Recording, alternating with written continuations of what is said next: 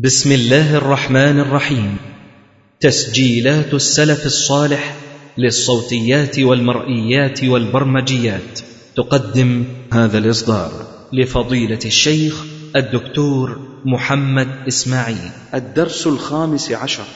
الحمد لله رب العالمين. الرحمن الرحيم. مالك يوم الدين. والعاقبة للمتقين. ولا عدوان إلا على الظالمين. وأشهد أن لا إله إلا الله وحده لا شريك له. وأشهد أن محمدا عبده ورسوله. اللهم صل على محمد وعلى آل محمد كما صليت على آل إبراهيم إنك حميد مجيد. اللهم بارك على محمد وعلى آل محمد كما باركت على آل إبراهيم إنك حميد مجيد. أما بعد فقد شرعنا الأسبوع الماضي في بيان موقف الشيعة واعتقادهم في مصادر الإسلام بعدما تكلمنا من قبل على موقفهم من القرآن الكريم.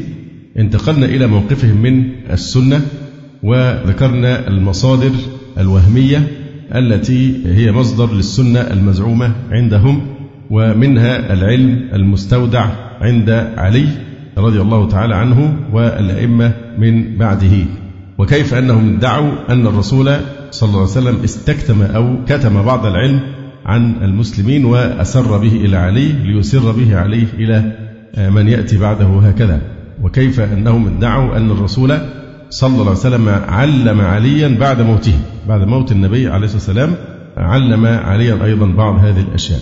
وذكرنا من مصادرهم الوهمية الصحيفة والجفر الأبيض والجفر الأحمر والجامعة ومصحف فاطمة والصحيفة المسماة بالعبيطة وديوان الشيعة أو الناموس أو الصمت الذي فيه أسماء الشيعة وأن من لم يدون اسمه في هذه الدواوين فهو من أهل النار. ووصية الحسين إلى آخر هذه الخزعبلات والخرافات والمصادر الوهمية التي تصب كلها في دعاوى خطيرة في غاية الخطورة أولها استمرار الوحي الإلهي وأن الوحي الإلهي لم ينقطع بوفاة النبي صلى الله عليه وسلم وانتقاله إلى الرفيق الأعلى. أيضا الدين لم يكمل في زعم هؤلاء الضالين خلافا لقول الله تعالى اليوم أكملت لكم دينكم.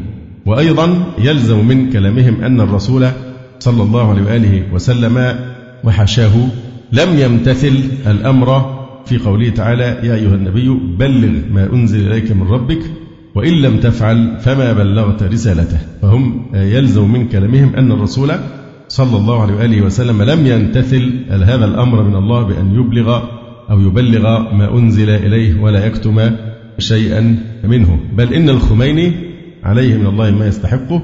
الخميني نفسه صرح بدون أن نقول أنه يلزم من كلامه لا كلامه الصريح هو أن الرسول عليه السلام قصر في إبلاغ الأمر بخلافة علي أو وصاية علي رضي الله تعالى عنه. ويقول إن الرسول لو كان قد بلغ هذا الأمر لما حصلت الفتنة بين المسلمين.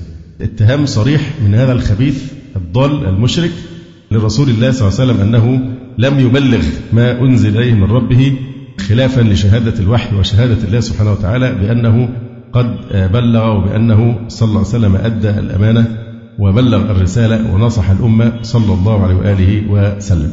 يقول الدكتور القفاري حفظه الله تعالى وقال الإمام الشافعي فليس التنزيل بأحد من أهل دين الله نازلة إلا وفي كتاب الله الدليل على سبيل الهدى فيها. بل قال جعفر الصادق كما تنقل كتب الشيعة نفسها. إن الله تعالى أنزل في القرآن تبيان كل شيء حتى والله ما ترك الله شيئا يحتاج إليه العباد. حتى لا يستطيع عبد أن يقول لو كان هذا أنزل في القرآن إلا وقد أنزله الله فيه. فكل ما تنسبه الشيعة بعد هذا لجعفر الصادق كذب. والرافضة ليست على شيء في مخالفتها في هذا الأصل العظيم. أصل أن الدين كمل وأن الرسول صلى الله عليه وسلم بلغ كل ما أمره الله بإبلاغه ولم يكتم شيئا وأنه لا سر في الدين عند أحد ليس في ديننا أسرار على الإطلاق.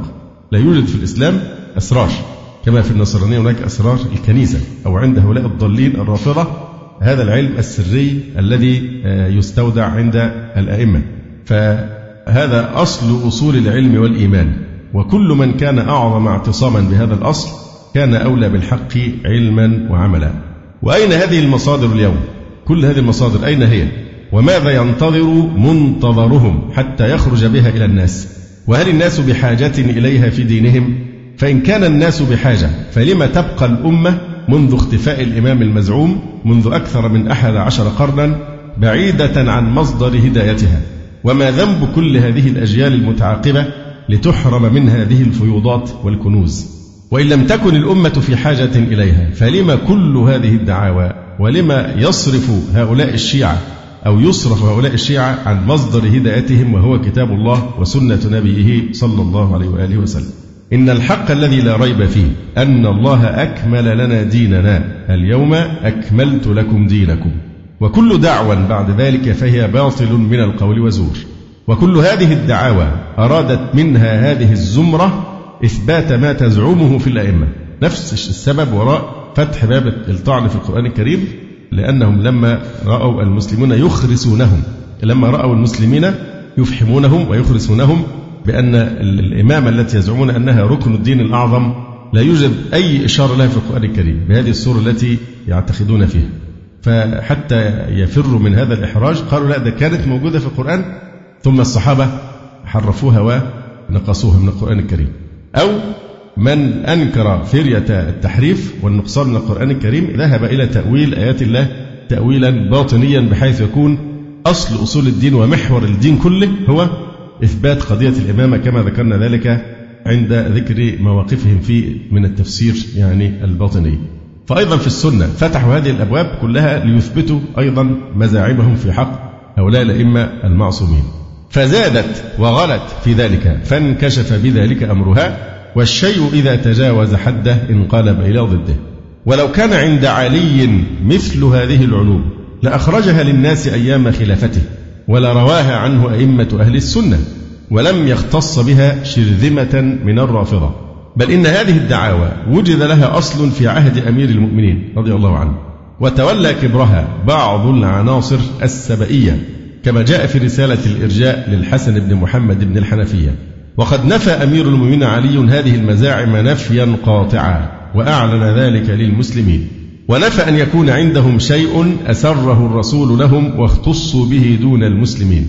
وأقسم على ذلك قسما مؤكدا وكأنه رضي الله عنه خشي أن يأتي من يقول بأن هذا الإنكار تقيا. فأقسم على نفي ذلك ليهلك من هلك عن بينة ويحيى من حي عن بينة. وهذا من فراسة الرعيل الأول ببركة صحبة النبي صلى الله عليه وسلم والتلقي عنه والجهاد معه. وقد جاء الحديث عن علي في نفي تلك المزاعم في الصحاح والسنن والمسانيد. بل إن هذا النص موجود في بعض كتب الشيعة. فقد جاء في تفسير الصافي أنه عليه السلام أي علي سئل هل عندكم من رسول الله صلى الله عليه وآله وسلم شيء من الوحي سوى القرآن؟ قال لا. والذي فلق الحبة وبرأ النسمة إلا أن يعطى العبد فهما في كتابه. ثم تطورت هذه المزاعم وكثرت في عصر جعفر الصادق وأبيه رحمهما الله.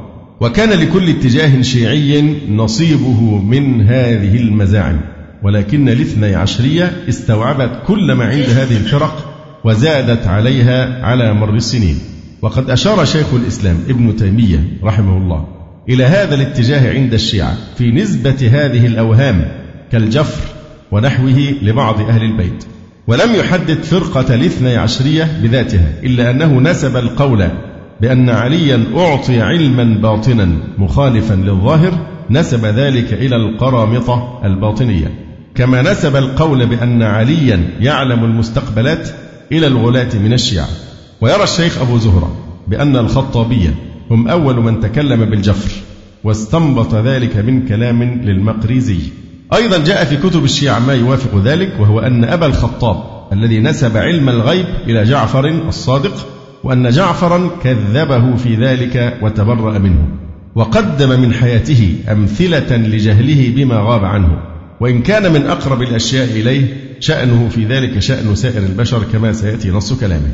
وهذه الدعاوى ينفيها واقع الأئمة فقد تلقوا العلم كغيرهم من بني البشر ومن يراجع تراجمهم يجد هذا واضحا جليا مثلا علي بن الحسين أخذ العلم عن جابر وأنس رضي الله عنهما وأخذ أيضا عن أمهات المؤمنين عائشة وأم سلمة وصفية رضي الله عنهن وأخذ عن ابن عباس والمسور ابن مخرمة رضي الله عنه وأبي رافع مولى النبي صلى الله عليه وسلم. ومروان بن الحكم وسعيد بن المسيب وغيرهم من علماء أهل المدينة. فكان أهل البيت يتلقون العلم كما يتلقاه كل أهل العلم من المسلمين. وكان الحسن رضي الله عنه يأخذ عن أبيه وعن غيره حتى أخذ الحسن بن علي عن التابعين. وهذا من علمه ودينه رضي الله تعالى عنه. وهكذا سائر علماء أهل البيت. وقد أقرت الشيعة في أوثق كتاب عندها في علم الرجال وهو رجال الكشي.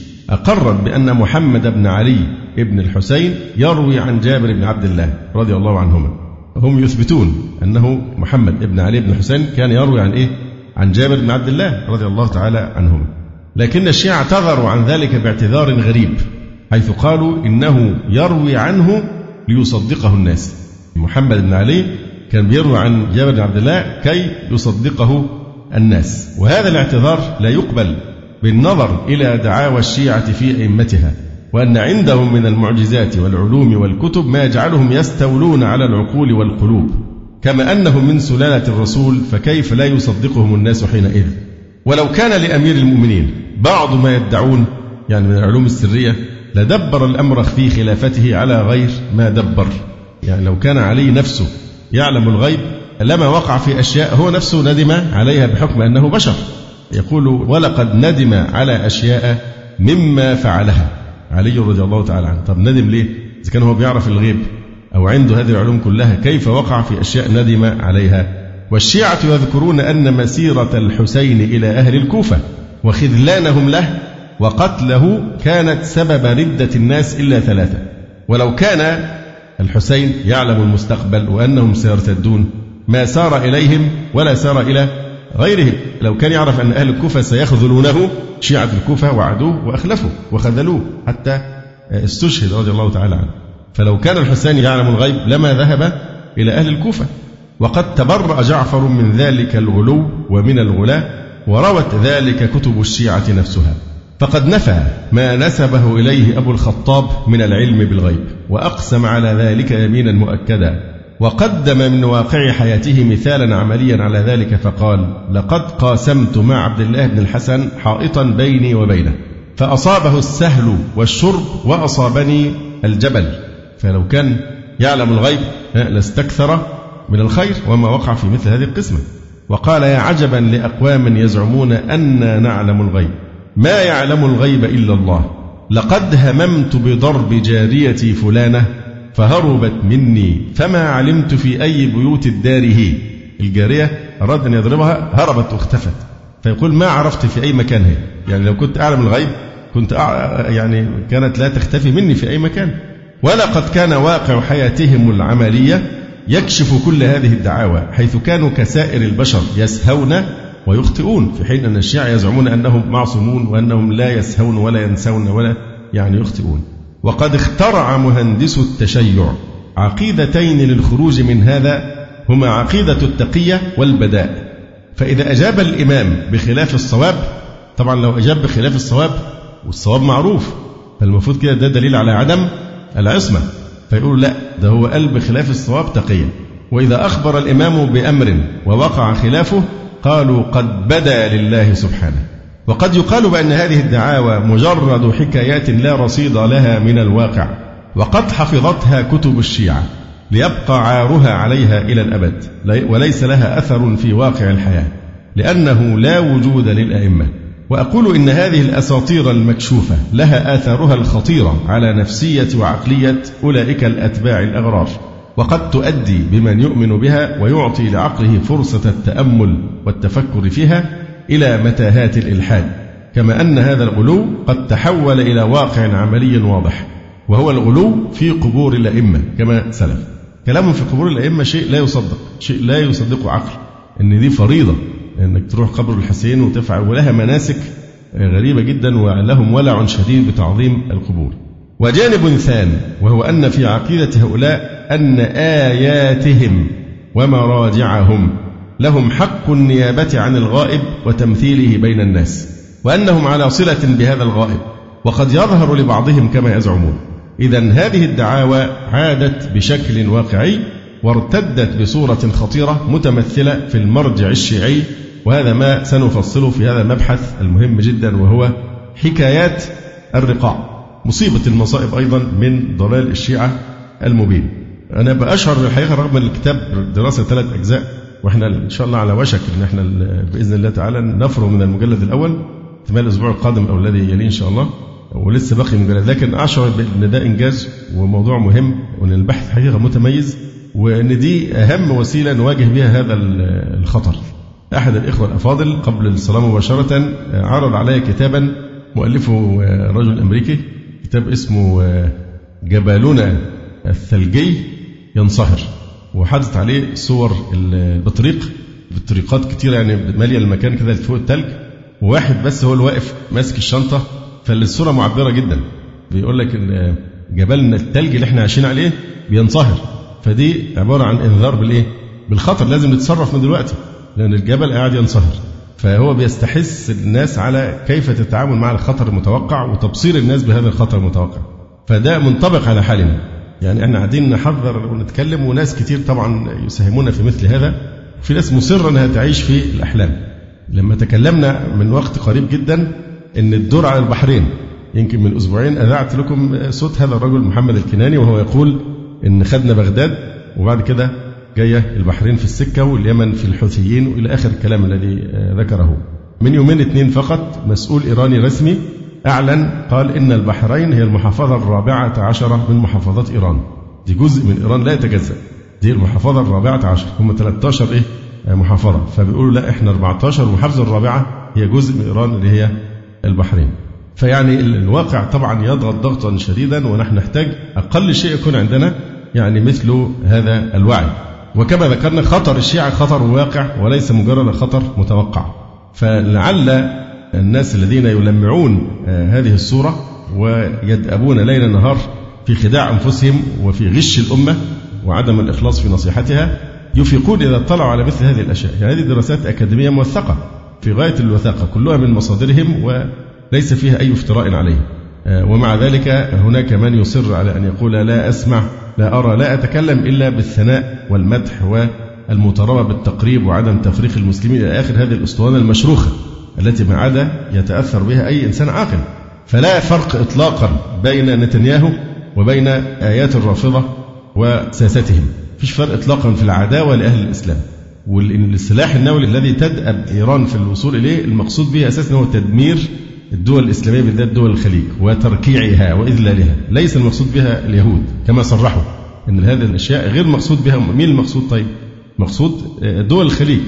أفيقوا أيضا رحمكم الله. مطالبون نحن أن نفيق وننتبه لهذا الخطر لأن الجبل الجليدي بينصهر فلا بد من الاستعداد لمواجهة لحظة الخطر. يقول في حكاية الرقاع وهذه من عورات الدين الشيعي الشنيعة.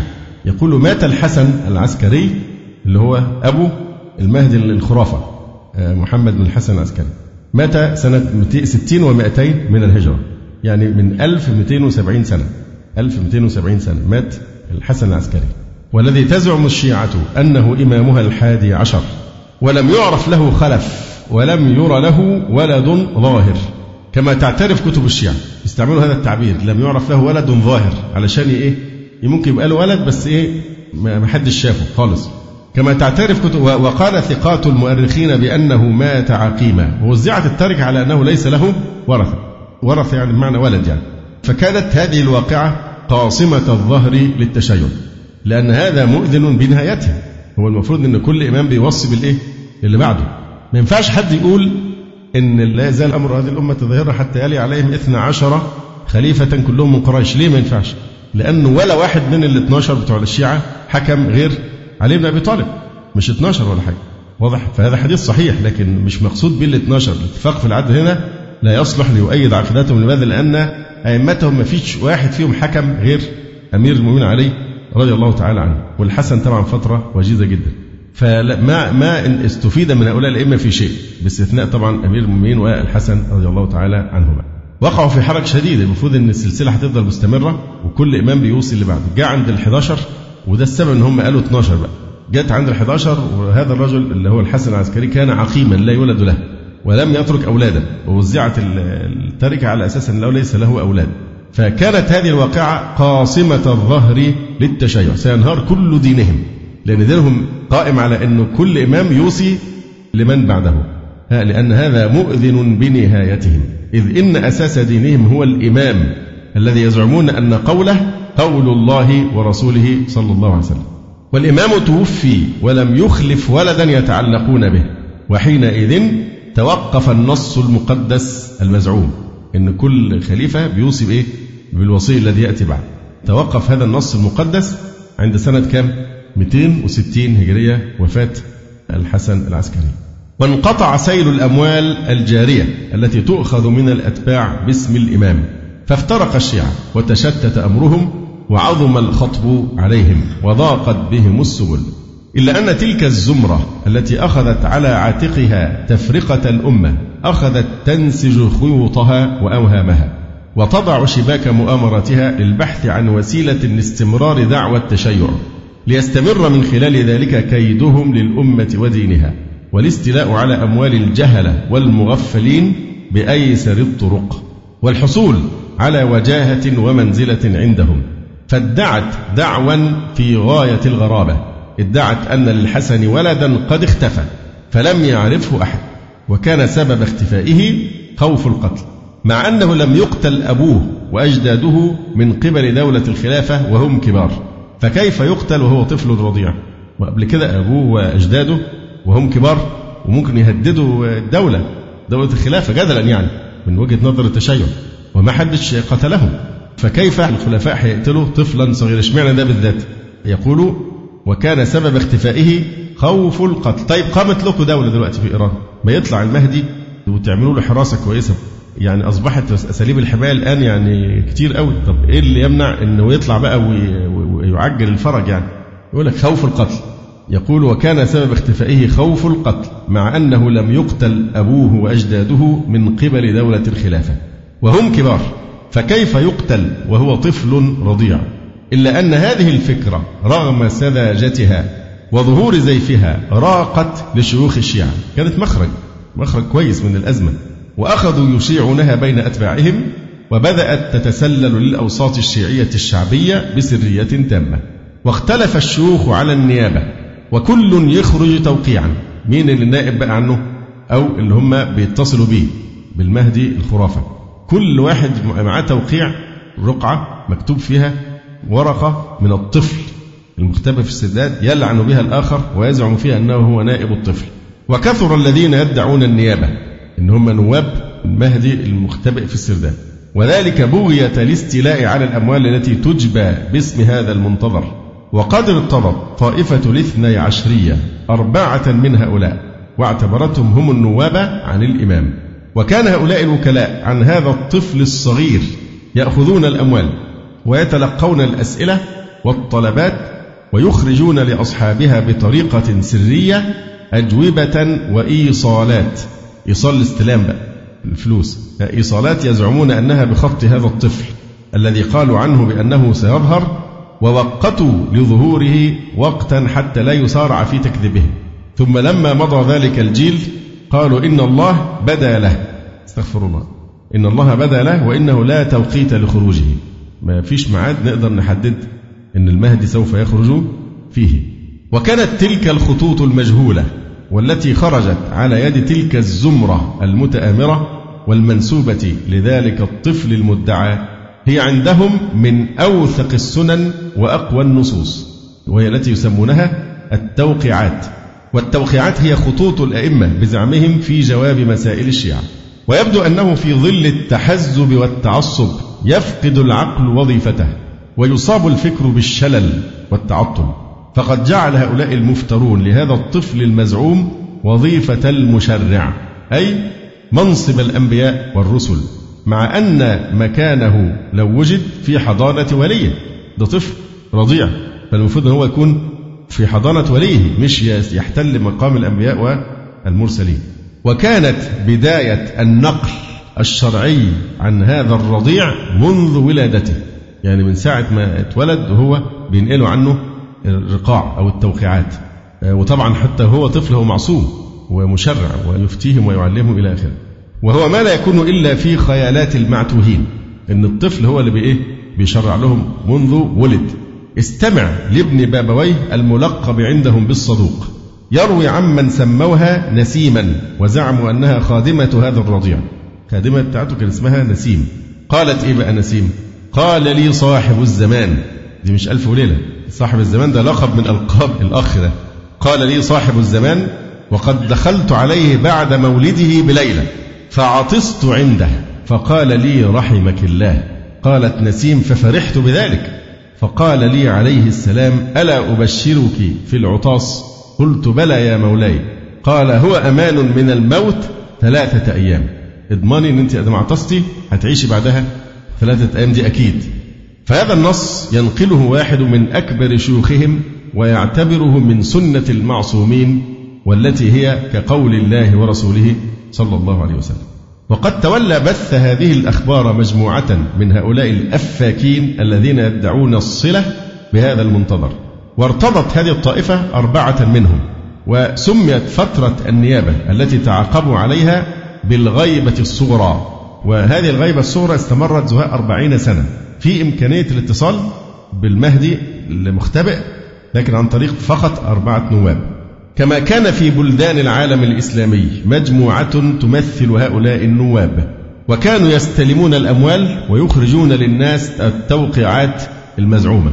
وقد اهتم شيوخ الشيعة بهذه التوقيعات ودونوها في كتبهم الأساسية على أنها من الوحي الذي لا يأتيه الباطل كما فعل الكليني في أصول الكافي وابن بابويه في إكمال الدين والطوسي في الغيبة والطبرسي في الاحتجاج والمجلسي في البحار. وقد جمع شيخهم عبد الله بن جعفر الحميري الأخبار المروية عن منتظرهم في كتاب سماه قرب الإسناد وطبع في آه، طهران. وذكر صاحب الذريعة اللي هي الذريعة إلى تصانيف الشيعة أغا بزرك الطهراني. ذكر كتابين له في هذا. باسم التوقيعات الخارجة من الناحية المقدسة. بيجمع فيها الايه؟ الرقاع. والتوقيعات اللي جاية من الايه؟ الجهة المقدسة أو الناحية المقدسة اللي هي المهدي المختفي في السرداب. وتحكي هذه التوقيعات رأي الإمام المزعوم في كثير من أمور الدين والحياة. وتصور قدرته على علم الغيب المجهول. وتحقيقه لأماني شيعته وشفائه لأمراضهم وحله لمشاكلهم وإجابته لأسئلتهم واستلامه لما يقدمونه من أموال. وقد تصاغ أحداث ذلك أحيانا بثوب قصصي. والمتأمل للفتاوى المنسوبة إليه في أمور الدين. يرى في الكثير منها الجهل في أبسط مسائل الشريعة. مما يدل على أن واضع هذه التوقيعات هو من المتأمرين الجهلة الذين لا يحسنون الوضع.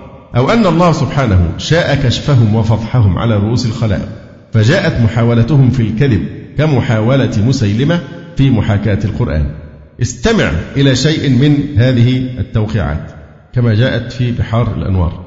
بحار الأنوار جزء 53 صفحة 164 يا عالم بقى في بعد 53 دي كمان في مجلدات تانية. 110 بحار الظلمات. جاي بقى في بحار الأنوار ده بيقول لك وكتب إليه صلوات الله عليه أيضا في سنة ثمان وثلاثمائة كتابا. سأل فيه عن مسائل ده واحد من النواب. سأل عن مسائل سأل عن الأبرص والمجذوم وصاحب الفالج. الفالج اللي هي الشلل النصفي. سأل عن الأبرص والمجذوم وصاحب الفالج. هل يجوز شهادتهم؟ تقبل شهادة الأبرص والمجذوم وصاحب الفالج؟ فأجاب عليه السلام. ده المهدي اللي في السرداب. إن كان ما بهم حادث جازت شهادتهم وإن كان ولادة لم تجز.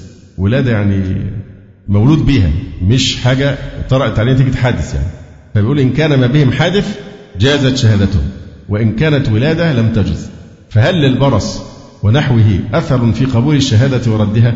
وهل للتفريق بين ما هو أصلي وحادث وجه معقول؟ وهل تستحق مثل هذه الفتاوى مناقشة؟ وكيف ينسب مثل ذلك لأهل البيت بل للإسلام؟ وسأل هل يجوز أن يسبح الرجل بطين القبر؟ وهل فيه فضل؟ يعني الطين بتاع المقابر يعني. عامل منه بقى زي سبحة وبإيه؟ ينفع يسبح بها؟ هل يجوز أن يسبح الرجل بطين القبر؟ وهل فيه فضل؟ فأجاب عليه السلام يسبح به. فما من شيء من التسبيح أفضل منه. ده أحسن أنواع التسبيح. ومن فضله أن الرجل ينسى التسبيح ويدير السبحة فيكتب له التسبيح. يمكن يقصد بقى تين قبر معين والله أعلم عشان هم عندهم تعظيم جامد يعني شديد القبور احتمال يعني. فهذا المبدأ من دين الوثنيين لا من دين التوحيد. ولا يكتب التسبيح بالعبث بالمذبحة. واحد بيعبث بالمذبحة يكتب له التسبيح. فأي شرعة هذه؟ وأي فقيه يفتي بذلك؟ والأمثلة على هذا اللون من الفتاوى الجاهلة الغبية كثيرة. فهو يفتي لمن سأله هل يجوز أن يسجد على القبر أم لا. دي أحد فتاوى التوقيعات اللي جاية من المهدي المختبئ في السرداب. هل يجوز أن يسجد على القبر أم لا؟ فأجاب الذي عليه العمل أن يضع خده الأيمن على القبر وأما الصلاة فإنها خلفه ويجعل القبر أمامه. فكيف يجعل القبر قبلة ولما يعفر خده بطين القبر والمسلم مأمور بالتوجه لبيت الله والسجود لله وحده. وقد جاء لعن من اتخذ القبور مساجد. ومن الأمثلة أيضا التي وجهت بزعمهم للطفل المنتظر وجاء التوقيع بجوابها. السؤال التالي قد اختلف أصحابنا في مهر المرأة فقال بعضهم إذا دخل بها سقط المهر ولا شيء له. وقال بعضهم هو لازم في الدنيا والآخرة فكيف ذلك؟ وما الذي يجب فيه؟ فأجاب عليه السلام. إن كان عليه بالمهر كتاب فيه دين فهو لازم له في الدنيا والآخرة. مع بقى إيه؟ إيصال أمانة ولا حاجة أو شيك أو أي حاجة فيها استيثاق. إن كان عليه بالمهر كتاب فيه دين فهو لازم له في الدنيا والآخرة. وإن كان عليه كتاب فيه ذكر الصدقات سقط إذا دخل بها. وإن لم يكن عليه كتاب فإذا دخل بها سقط باقي الصدق. فهل هذا الجواب يخرج من في عالم بل من جاهل يملك ذرة من عقل؟ وهل هذا المبدأ من دين الإسلام؟ كيف يقرر مثل هذا المبدأ الذي يبيح أخذ مال الغير إذا لم يكتب؟ فيسقط الصداق إذا لم يكن فيه كتاب. هذه شرعة اللصوص والإباحيين لا دين الإسلام. ومن أراد التوسع في هذه الأمثلة فليرجع لبحار الأنوار وإكمال الدين والغيبة للطوسي وغيرها. هذه السنة التي تخرج من المنتظر. تحمل الأخبار بالمغيبات والقدرات الخارقة على تحقيق الأمنيات. فهذا الشيعي الذي أصيب بمرض عضال أعيا الأطباء شفاؤه يتوجه لهذا المنتظر عن طريق نوابه فيكتب رقعة يطلب فيها الشفاء فيأتي التوقيع بالدعوة له بالشفاء فما تأتي جمعة حتى يشفى. عداش أسبوع وكان راجل برق من إيه من هذا الداء؟ خرافات. وهذا الرجل الذي لا تحمل زوجته وقد بلغ به الحنين والشوق إلى الولد ما بلغ. فما أن يكتب إلى الناحية المقدسة اللي هي المهدي حتى يخرج التوقيع بأنه سيحمل له قبل الأربعة أشهر وسيولد له ابن. وعن طريق هذا الطفل الغائب يعرفون متى يموتون. فهذا شيعي يكتب إليه يسأله كفنا. عايز المهدي يبعث له كفن فيأتي التوقيع إنك تحتاج إليه في سنة ثمانين. فمات في سنة ثمانين وبعث إليه بالكفن قبل موته بأيام. وقد جاءت توقيعات من المنتظر يؤخذ منها أن العمل بسنن الإسلام وشرائعه يتوقف على إذن القائم المنتظر. فكأن سنة هذه الرقاع المزورة أبلغ من نصوص الإسلام عندهم. كما قد يؤخذ من النصوص التالية. ولد لي مولود. فكتبت رقعة لمين؟ للمهدي المنتظر في السرداب. ولد لي مولود فكتبت أستأذن في تطهيره يوم السابع الختان فلم يكتب شيئا فمات المولود يوم الثامن فهو يتوقف في ختان ابنه حتى يأتي له الإذن من القائم. والزواج مرتبط بأمر القائم في الغالب. قال أحدهم وزوجت بامرأة سرا فلما وطئتها علقت وجاءت بابنة. جابت بنت. فاغتممت وضاق صدري فكتبت أشكو ذلك. كتب رسالة للمهدي المنتظر يشكي له أن ربنا يعني رزقه بنتا. فكتب رسالة للطفل المنتظر. فورد ستكفاها مش هتكفاها بقى بمعنى إن تكفاها يعني سنبسط لك الرزق وكذا. لا هنخلصك منها. فورد ستكفاها فعاشت أربع سنين ثم ماتت. فورد وردت بقى رسالة من المهدي بيقول له الله ذو أناه وأنتم تستعجلون. يعني ربنا حليم أنت أربع سنين وهتخلص منها. لكن أنتم تستعجلوا. فتخيل يعني هذا هذا مفهوم جاهلية يعني كراهة البنات هذه من خصائص أهل الجاهلية التي يتنزه عنها الإسلام. فهو بيقر على الحزن والهم والغم لأنه رزق بنتا وأن هذه سنة الجاهلية كما قال تعالى وإذا بشر أحدهم بالأنثى ظل وجهه مسودا وهو كظيم. أما الرزق فقد قال تعالى ولا تقتلوا أولادكم خشية إملاق نحن نرزقهم وإياكم. فهذا النص عن الطفل المنتظر بيعتبر أن الموت هو الكافي ستكفاها مش هتكفاها بمعنى الرزق بقى هيجي لك وربنا هيكرمك عشانها لا ده إيه هنخلصك منها. بس اصبر شوية عدت أربع سنين ومات. فوفى له وعده يعني وبعت له بقى المهدي بيقول له الله ذو أنا حليم لكنكم تستعجلون. والحج متوقف على إذن هذا الطفل المزعوم. فهذا شيعي يقول تهيأت للحج وودعت الناس. وكدت يعني إيه أشرف على الخروج فورد. المهدي بعت له قال له نحن لذلك كارهون والأمر إليك. نحن لذلك كارهون والأمر إليك. قال فضاق صدري واغتممت وكتبت. أنا مقيم على السمع والطاعة. غير أني مغتم بتخلفي عن الحج.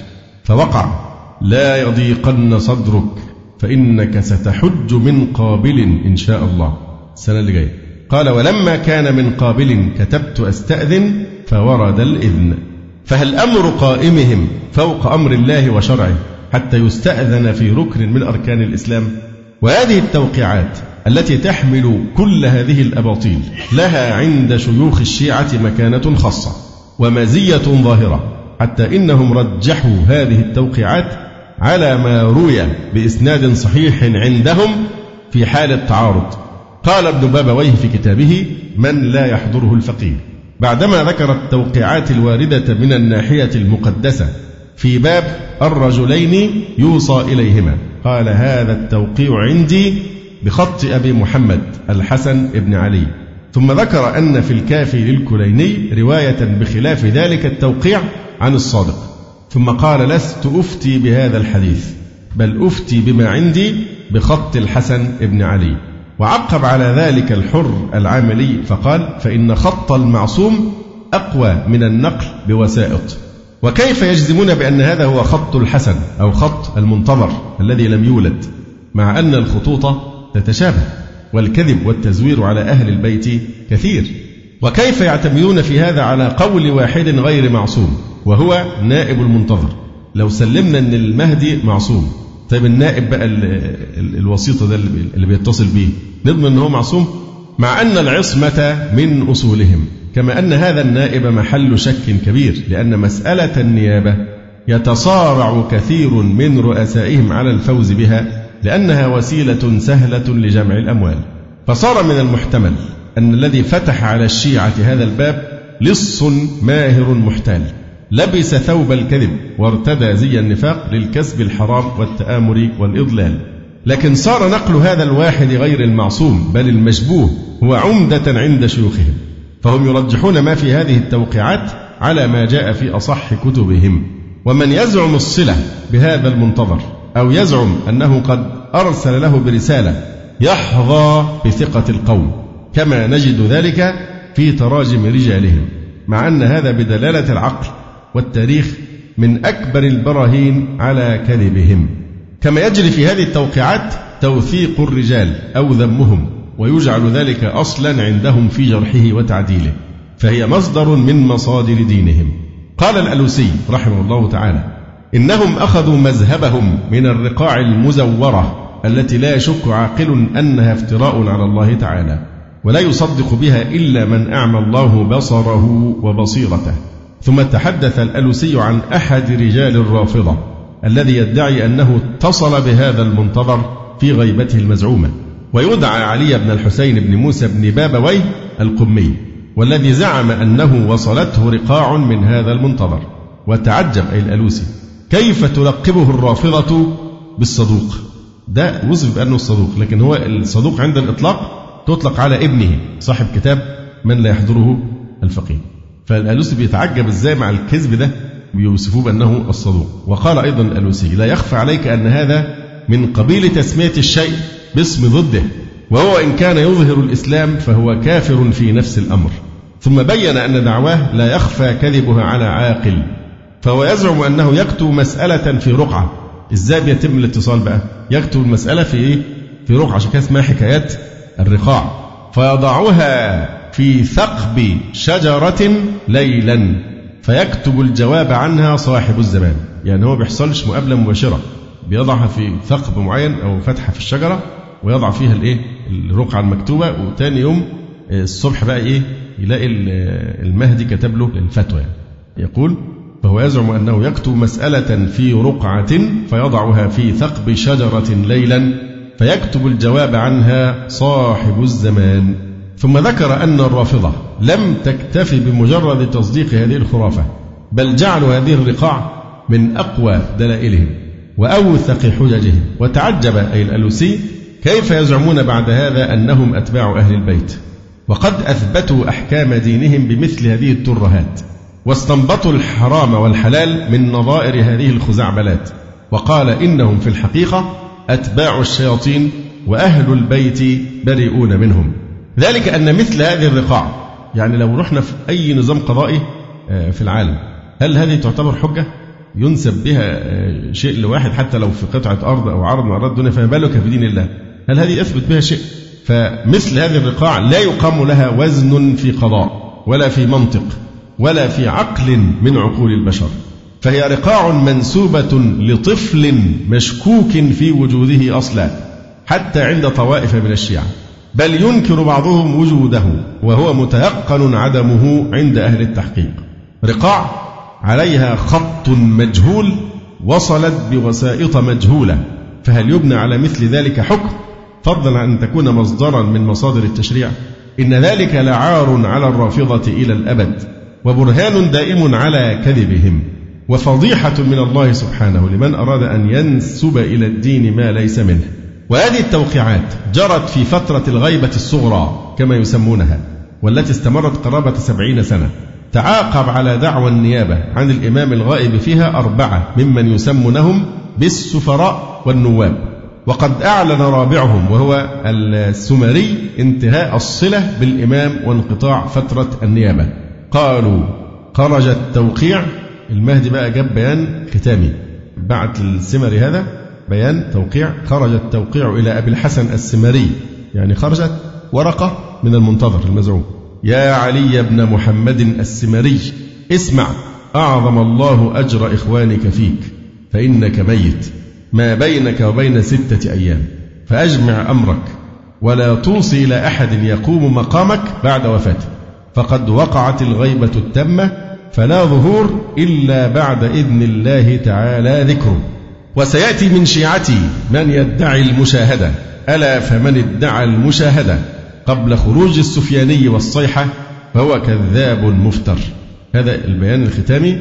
الآخر بيان صدر عن المهدي الخرافة إلى آخر هؤلاء السفراء أو النواب عن الإمام في فترة الغياب وهذا إيذان بانقطاع الغيبة الإيه؟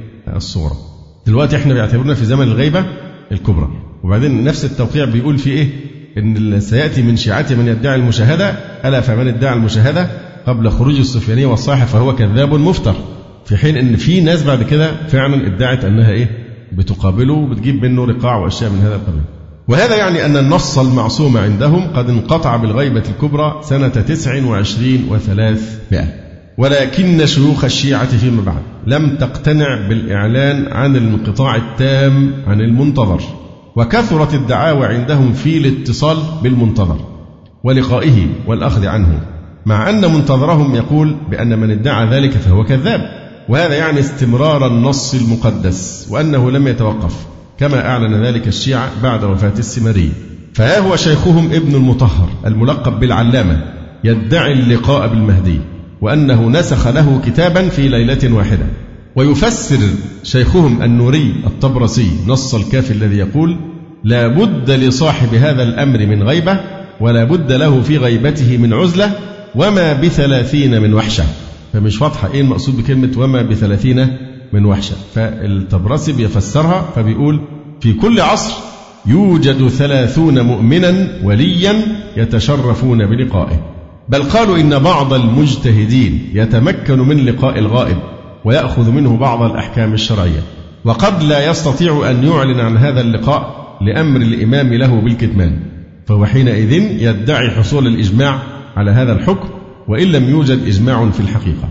وبهذا يفسرون دعاوى بعض شيوخهم الإجماع على مسائل لم يقل بها سوى هؤلاء الشيوخ. وقد بينا في بحث الإجماع أن الإجماع يتحقق في زعمهم بقول فئة يوجد فيها عالم مجهول النسب غير معروف وبقولها يحصل الإجماع مهما خالف من خالف على أساس إيه؟ على اعتبار احتمال أن يكون هذا المجهول قد يكون هو الإمام فتخيلوا هذا احتمال يكون الواحد المجهول ده في الأئمة المجمعين هؤلاء عالم مجهول النسب غير معروف قالوا طب ما ده احتمال يكون الإيه؟ المهدي وقرر شيوخهم بأن هذا المنتظر الذي لم يوجد كان يجتمع بجملة من أهل العلم والتقوى الذين كانوا يستحقون المقابلة كالعلامة السيد مهدي بحر العلوم النجفي فيما اشتهر عنه والشيخ ميثم البحراني فيما ينقل عنه. وقد ألف بعض شيوخهم مصنفات في حكايات وأحداث من اجتمع بهذا المنتظر كما فعل المجلسي في البحار. ثم جاء بعده النوري الطبرسي فكتب في ذلك كتابا سماه جنة المأوى في من فاز بلقاء الحجة ومعجزاته في الغيبة الكبرى. وقد أورد فيه تسعا وخمسين حكاية وذكر من كان بعد المجلسي ممن ادعى اللقاء بالمنتظر. وهكذا صار بإمكان كل شيطان رجيم من الإنس والجن أن يحتال على هؤلاء ويتظاهر بأنه المنتظر. ويدس في دينهم ما يبعدهم عن الحق ما داموا فتحوا هذا الباب على أنفسهم ويعتبرون ذلك من السنة. وبإمكان كل شيخ زنديق متلفع برداء الدروشة ومتوشح بالسواد متظاهر بالعلم مدع للسيادة وما أكثر هؤلاء عندهم أن يزعم اللقاء بالمنتظر ليحظى بالتعظيم وليغير من دينهم ما شاء له إلحاده. ولا سيما أن هؤلاء يزعمون أن هذا المنتظر يتصور بصور مختلفة ويظهر بأشكال وأرضية متنوعة.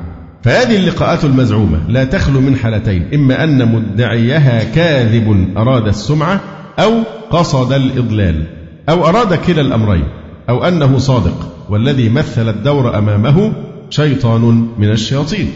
زي اللي بيدعي لقاء الخضر أو اللي بيدعي أصلا أنه يقابل النبي صلى الله عليه وسلم ويتلقى منه.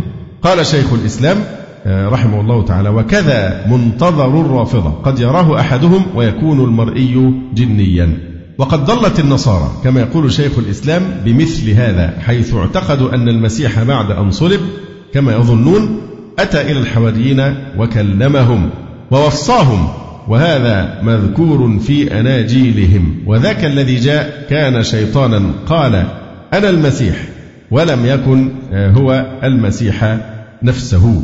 كما قال شيخ الإسلام إن أصحاب الحلاج لما قتل كان يأتيهم من يقول أنا الحلاج فيرونه في صورته عيانا.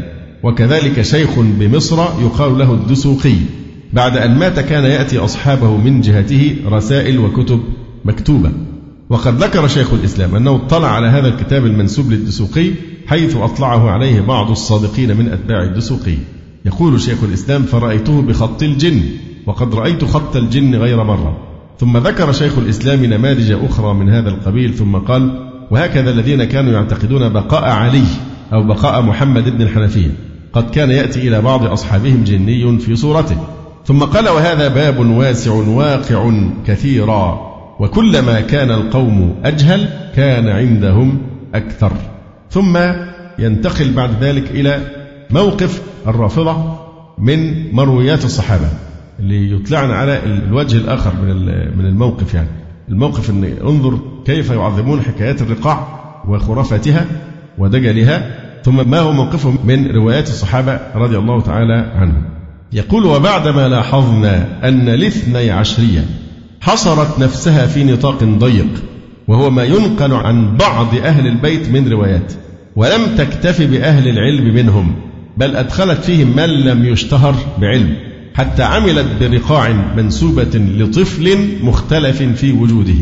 وجعلت ما ينقل عن هؤلاء في مقام ما يقوله رسول الله صلى الله عليه وسلم. فإنها أيضا حرمت نفسها من مصدر عظيم للعلم والإيمان. يعني أضفوا الحجية على الخرافة وأسقطوا حجية الروايات الصحيحة عن الصحابة رضي الله عنهم. فإنها حرمت نفسها من مصدر عظيم من العلم والإيمان وهو روايات الصحابة رضوان الله عليهم الذين فازوا بصحبة رسول الله صلى الله عليه وسلم وشهدوا التنزيل وعرفوا التأويل وأثنى الله عليهم ورسوله صلى الله عليه وآله وسلم. يقول محمد حسين آل كاشف الغطاء أحد مراجع الشيعة في هذا العصر في تقرير مذهب طائفته في ذلك ماذا يقول هذا الرجل؟ إن الشيعة لا يعتبرون من السنة. يعني الأحاديث النبوية ما يحتجوش إلا بإيه؟ إلا ما صح لهم من طرق أهل البيت. أما ما يرويه مثل أبي هريرة وسمرة بن جندب وعمرو بن العاص ونظائرهم فليس لهم عند الإمامية مقدار بعوضة. فهو هنا يقرر أن مذهب الشيعة هو قبول ما صح لهم من طرق أهل البيت دون ما سواه من روايات صحابة رسول الله صلى الله عليه وآله وسلم. طبعا هنا تنبيه في غاية الأهمية لأن هنا هذه العبارة فيها تمويه وفيها خداع. فالرجل هنا يتلاعب بالألفاظ فيقرر أن إيه مذهب الشيعة قبول ما صح لهم من طرق أهل البيت. يعلق الدكتور القفاري قائلا قوله ما صح لهم من طرق أهل البيت هذا تعبير فيه شيء من التمويه والخداع. لأن من لا يعرف طبيعة مذهب الشيعة يظن أن العمدة عندهم هو كلام رسول الله. صلى الله عليه وسلم الذي جاء من طرق آل البيت. اللي ما يفهمهمش كويس يقول آه بيقول لك إحنا بناخد الحديث الرسول صلى الله عليه وسلم التي جاءت لنا من طرق مين؟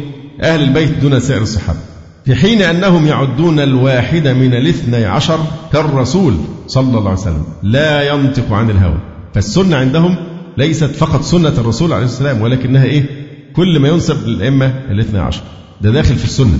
يبقى هنا مش سنة الرسول عليه السلام. يقول وقوله كقول الرسول كقول الله ورسوله. ولذلك يندر وجود أقوال الرسول في مدوناتهم نادرا ما تجد في أحاديث مرفوعة إلى النبي صلى الله عليه وسلم لأنهم اكتفوا بما جاء عن أئمتهم. كما أن قوله أهل البيت هذا قول لابد أن ننتبه. حتى هم لما بيسموا نفسهم شيعة أهل البيت لابد أن ننتبه أنهم شيعة بعض أهل البيت. وهنا بيقول قبول ما صح لهم من طرق أهل البيت لا هذا كذب. قبول ما صح لهم من طرق بعض أهل البيت. أما من هم أهل البيت فهنا يظهر غاية التحكم والتعسف في تحديد من هم أهل البيت. فقوله أهل البيت إنما يعني بعضهم. فليس كل آل البيت يصلحون عندهم طريقا للرواية لأن آل البيت ليسوا جميعا أئمة. فالرواية عن ذرية فاطمة من ولد الحسن رضي الله عنه لا تعتبر روايته. يبقى أسقطوا من رواية آل البيت ذرية فاطمة عن طريق مين؟ الحسن بن علي. لأن من بعد الحسن من ذريته ليسوا أئمة عندهم. فحتى في داخل أهل البيت استثنوا إخراجوا مين؟ ذرية الحسن. وغاية أمرهم أن يعتبروا مجرد رواة يخضعون للرد والقبول. ولذلك كفر الاثنى عشرية. كل من خرج وادعى الإمامة من آل البيت ما عدا الأئمة الاثنى عشر عندهم.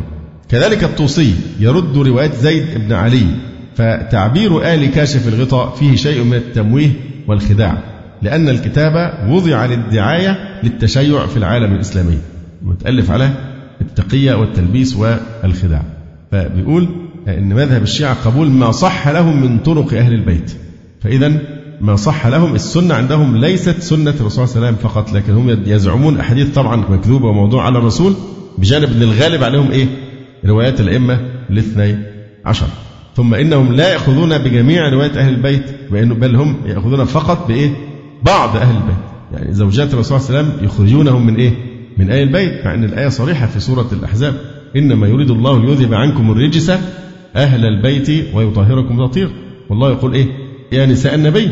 وقال واذكرن ما يتلى في بيوتكن من آيات الله والحكمة. السياق كله في من؟ في زوجات الرسول عليه السلام فهم يخرجون زوجاته أيضا من آل البيت. وإذا عرفنا أن الاثني عشرية تعني بأهل البيت الأئمة الاثنى عشر والذي أدرك الرسول صلى الله عليه وسلم منهم وهو مميز هو أمير المؤمنين علي رضي الله عنه. وعليه فهل يتمكن أمير المؤمنين من نقل سنة الرسول صلى الله عليه وسلم كلها للأجيال؟ كيف وهو لا يكون مع الرسول صلى الله عليه وسلم في كل الأحيان؟ فقد كان الرسول صلى الله عليه وسلم يسافر ويستخلف في بعض الأحيان كما في غزوة تبوك كما كان علي يسافر ورسول الله صلى الله عليه وسلم في المدينة فقد بعثه رسول الله إلى اليمن.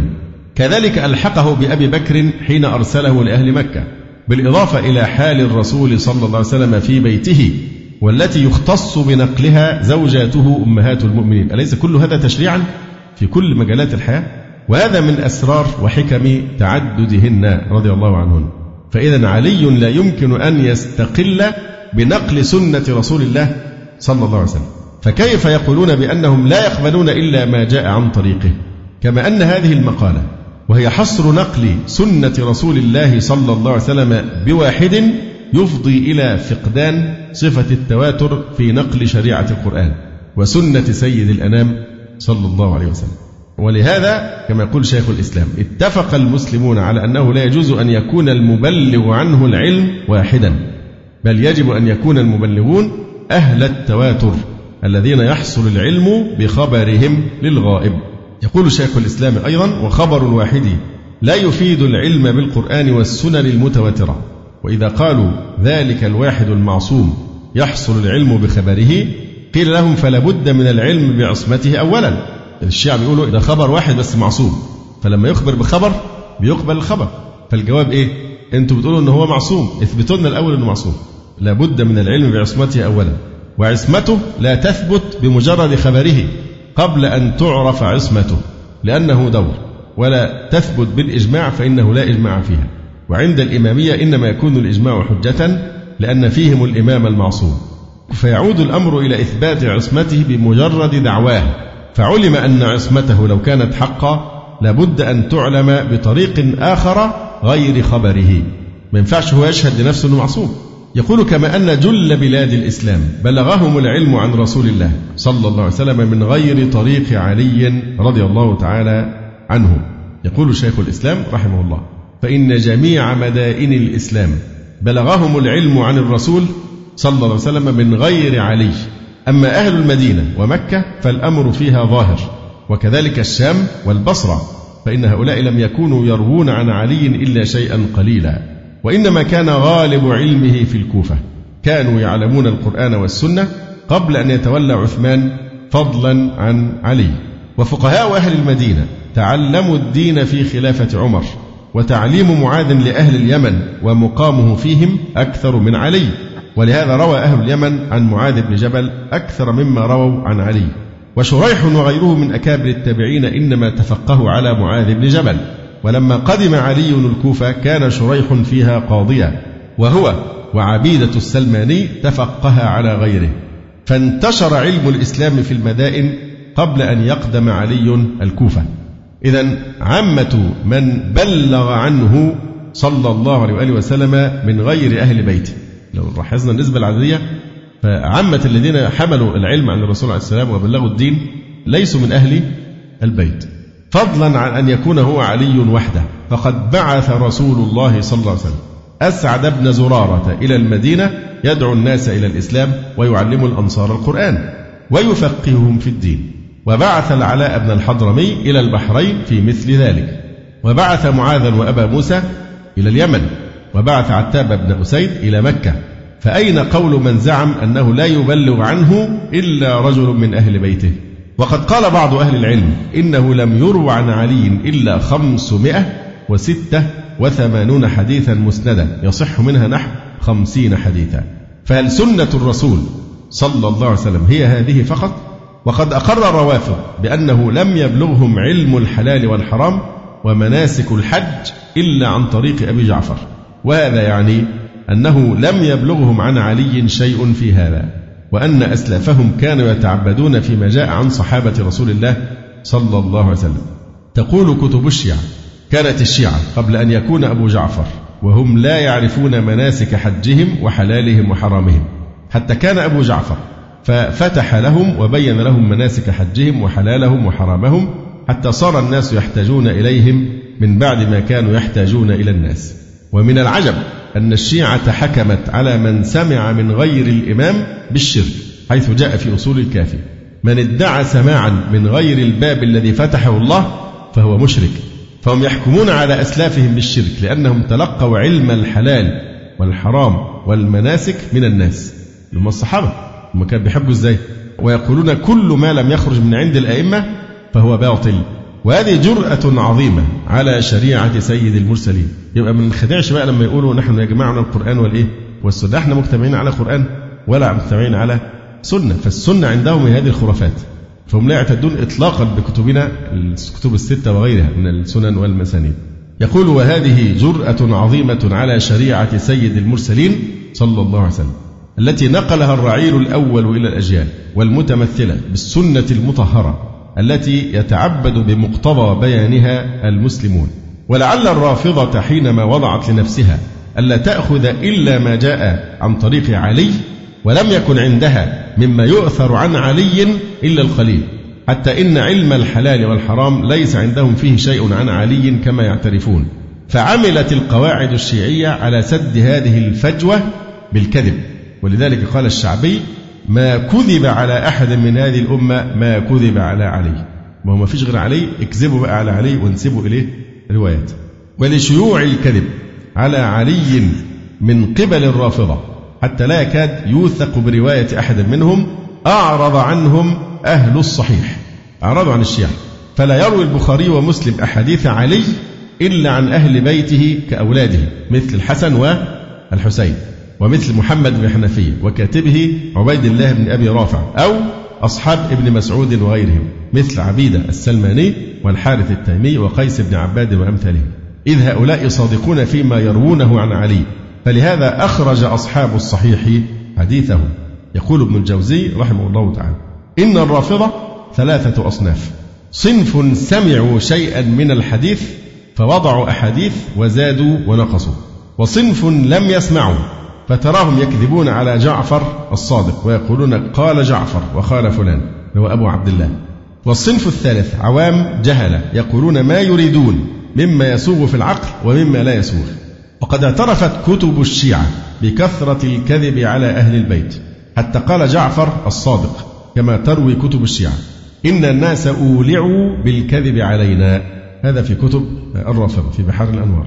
وكانت مصيبة جعفر أن اكتنفه كما تقول كتب الشيعة. أحاط به. اكتنفه قوم جهال يدخلون عليه ويخرجون من عنده ويقولون حدثنا جعفر بن محمد. ويحدثون بأحاديث كلها منكرات كذب موضوعة على جعفر. ليستأكلوا الناس بذلك ويأخذوا منهم الدراهم. ولهذا قال بعض أهل العلم لم يكذب على أحد ما كذب على جعفر الصادق مع براءته. ومن هنا ندرك كبير الخطر على الشيعة. حينما قبلوا روايات الكذابين على الأئمة. الرقاع وهذه البلاوي كذب. وأعرضوا عن روايات صحابة رسول الله صلى الله عليه وسلم. بل وثقوا هؤلاء الذين اكتنفوا جعفرا وقالوا روى عن الإمام الصادق أربعة آلاف راو. وذهب بعض علماء الإمامية إلى القول بتوثيق الأربعة آلاف راو بدون استثناء. مع أن أبا عبد الله يشكو كما مر من كثرة الكذابين عليه. بل ويذكر أنه لا يوجد له من هؤلاء الذين يدعون التشيع ولا سبعة عشر رجلا من شيعته كما صرحت بذلك رواية الكافي. فمنين أربعة آلاف ومنين هو؟ قال دول ما يزيدوش عن إيه؟ 14 يعني واحد من شيعته. ولكن لماذا أعرضت طائفة الاثني عشرية عن رواية صحابة رسول الله صلى الله عليه وآله وسلم؟ إن السبب يعود إلى البدعة الأولى التي ابتدعها ابن سبأ. من القول بأن عليا هو وصي رسول الله صلى الله عليه وسلم وأن الصحابة لم ينفذوا الوصية ويولوه الخلافة. وترتب على ذلك عند طائفة الاثني عشرية أن الصحابة خرجوا من دين الإسلام ولا يستثنون من ذلك إلا عددا لا يساوي أصابع اليد. دول فقط الذين بقوا على الإسلام وجميع الصحابة والعياذ بالله ارتدوا في زعمهم قتلهم الله. ولم يشفع للصحابة عند هؤلاء ثناء الله ورسوله عليهم ولا صحبتهم لرسول الله صلى الله عليه وسلم وجهادهم في سبيل الله وتضحياتهم وسابقتهم وبذلهم الأرواح والمهج ومفارقتهم للأهل والوطن ونشرهم للإسلام في أصقاع الأرض. ومن المفارقات العجيبة أن الشيعة تحكم على من زعم أنه رأى المنتظر الذي لم يوجد أصلا كما سيأتي بالعدالة والصدق. يقول الممقاني وهو من آياتهم في هذا العصر تشرف الرجل برؤية الحجة عجل الله فرجه وجعلنا من كل مكروه فداه. تشرف الرجل برؤية الحجة بعد غيبته فنستشهد بذلك على كونه في مرتبة أعلى من مرتبة العدالة ضرورة. إيه الدليل أنه هو تشرف فقط؟ بمقابلة المهدي. ولكن لماذا لا يجرون مثل هذا الحكم في صحابة رسول الله صلى الله عليه وسلم؟ يعني شوف المعنى هنا معنى موجع ومؤلم للقلب. بيقول لك إذا كان آه، مجرد الراوي أو الرجل الكذاب اللي بيدعي أنه قابل المهدي منتظر شافه. تشرف الرجل برؤية الحجة بعد غيبته. فنستشهد بذلك على كونه في مرتبة أعلى من مرتبة العدالة ضرورة. مش حتى مرتبة العدالة ده إيه؟ أعلى كمان من العدالة مجرد أنه تشرف برؤية الوهم الخرافة. المؤلم بقى هنا يلمس المصنف حفظه الله تعالى شيء يدمي القلب في الحقيقة من هؤلاء الأفاكين. يقول ولكن لماذا لا يجرون هذا الحكم في صحابة رسول الله صلى الله عليه وسلم ويعتبرون تشرف الصحابة برؤية رسول الهدى صلى الله عليه وسلم برهان عدالتهم؟ أليس رسول الله أعظم من منتظر موهوم مشكوك في وجوده عند شيعة عصره فكيف به اليوم بعد تعاقب القرون؟ أليس هذا هو التناقض بعينه؟ فانظر وتعجب كيف يزكى رجل يدعي رؤية معدوم والأصل أن يعتبر هذا دليل كذبه ويطعن في صحابة رسول الله صلى الله عليه وسلم. وكل خطيئة الصحابة التي من أجلها ردوا رواياتهم وحكموا بردتهم أنهم أنكروا النص على إمامة علي. وهذا أمر عظيم وخطب كبير عندهم. فإن من أنكر إمامة واحد من الأئمة ولو كان الغائب المزعوم فهو كإبليس كما نص على ذلك صدوقهم ابن بابويه القمي. فالإيمان بأئمتهم هو مقياس القبول والرد عندهم. لأنه هو أساس الإيمان والكفر. ومع أن هذا الأصل الذي يزينون به الناس واضح البطلان لأنه لو كان بهذه المثابة التي يزعمون حاجة خطيرة إلى هذا الحد لذكره الله سبحانه وتعالى في كتابه المبين ولبينه رسول الله صلى الله عليه وسلم من سأله عن حقيقة الإيمان والإسلام. ولأصبح ذلك من الأمور المجمع عليها بين المسلمين.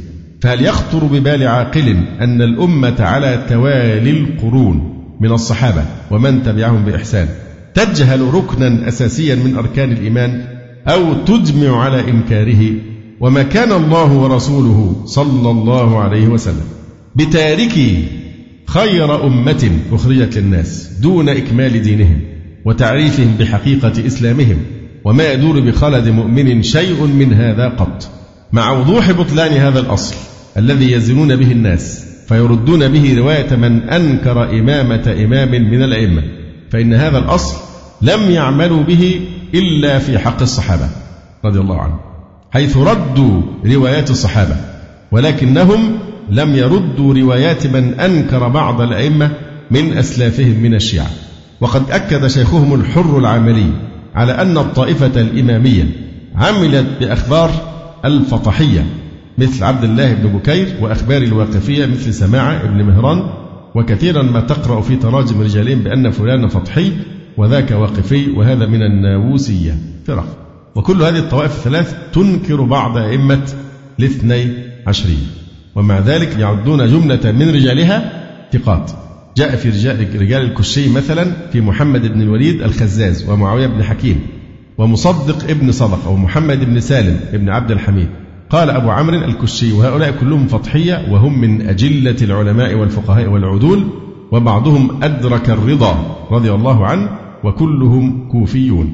كما كان الحسن بن علي بن فضال وعلي بن حديد بن حكيم وعمرو بن سعيد المديني كلهم من الفطحية ومع ذلك وثقوهم وعملوا بمروياتهم معرضين عن قول إمامهم الزيدية والواقفة والنصاب بمنزلة واحدة.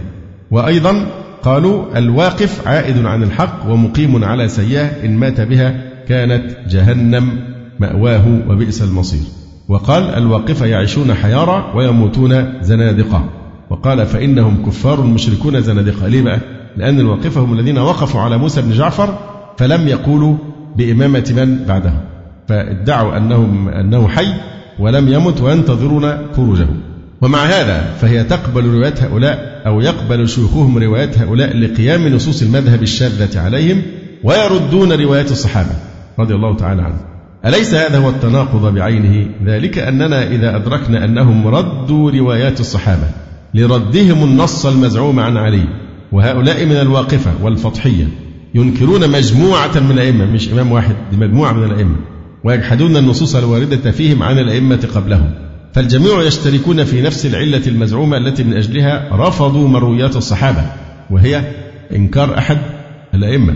إذا أدركنا ذلك أدركنا عظيم تناقضهم وأنهم ليس لهم ميزان ثابت وأن الهوى المذهبي والتعصب والتحزب قد أعمى أبصار شيوخهم فأضلوا أتباعهم سواء السبيل وحرموهم من منبع العلم والإيمان. وهل ثمة مجال لمقارنة من أثنى الله عليهم ورسوله؟ صلى الله عليه وسلم بمجموعة من حثالة الأفاكين والمفترين إلا لبيان أنهم في مذهبهم في رد روايات الصحابة ليسوا على شيء. ولقد جاء في كتب الشيعة عن ابن حازم قال قلت لأبي عبد الله فأخبرني عن أصحاب رسول الله صلى الله عليه وسلم صدقوا على محمد صلى الله عليه وسلم أم كذبوا؟ قال بل صدقوا. في أصول الكافي وبحار الأنوار. طبعا هيحملوها الشيعة على الإيه؟ التقية والصحابة رضي الله تعالى عنهم ليسوا بحاجة لمثل هذا بعد ثناء الله ورسوله صلى الله عليه وآله وسلم. ولكن نستشهد بذلك لبيان أنهم أعرضوا حتى عما جاء عن أئمتهم في كتبهم. الموافق لما جاء في كتاب الله وسنة رسوله صلى الله عليه وسلم. واتبعوا روايات الكذابين عن الأئمة والتي اعترفت بكذبهم كتب الشيعة نفسها كما سيأتي. نكتفي بهذا القدر. أقول قولي هذا وأستغفر الله لي ولكم. سبحانك اللهم ربنا وبحمدك. أشهد أن لا إله إلا أنت. أستغفرك وأتوب إليك. جزى الله فضيلة الشيخ خير الجزاء. ونسأل الله جل وعلا أن يرفع مكانة الشيخ في المهديين وأن يجعله علما من أعلام الهدى والدين. ولا تنسونا وتنسوا الشيخ من دعوة صادقة بظهر الغيب. وتقبلوا تحيات إخوانكم في تسجيلات السلف الصالح بالإسكندرية. هاتف رقم صفر ثلاثة فاصل أربعة تسعة أربعة سبعة ستة خمسة اثنان. وتليفون محمول صفر عشرة واحد ستة أربعة واحد تسعة ثمانية صفر. والسلام عليكم ورحمة الله وبركاته.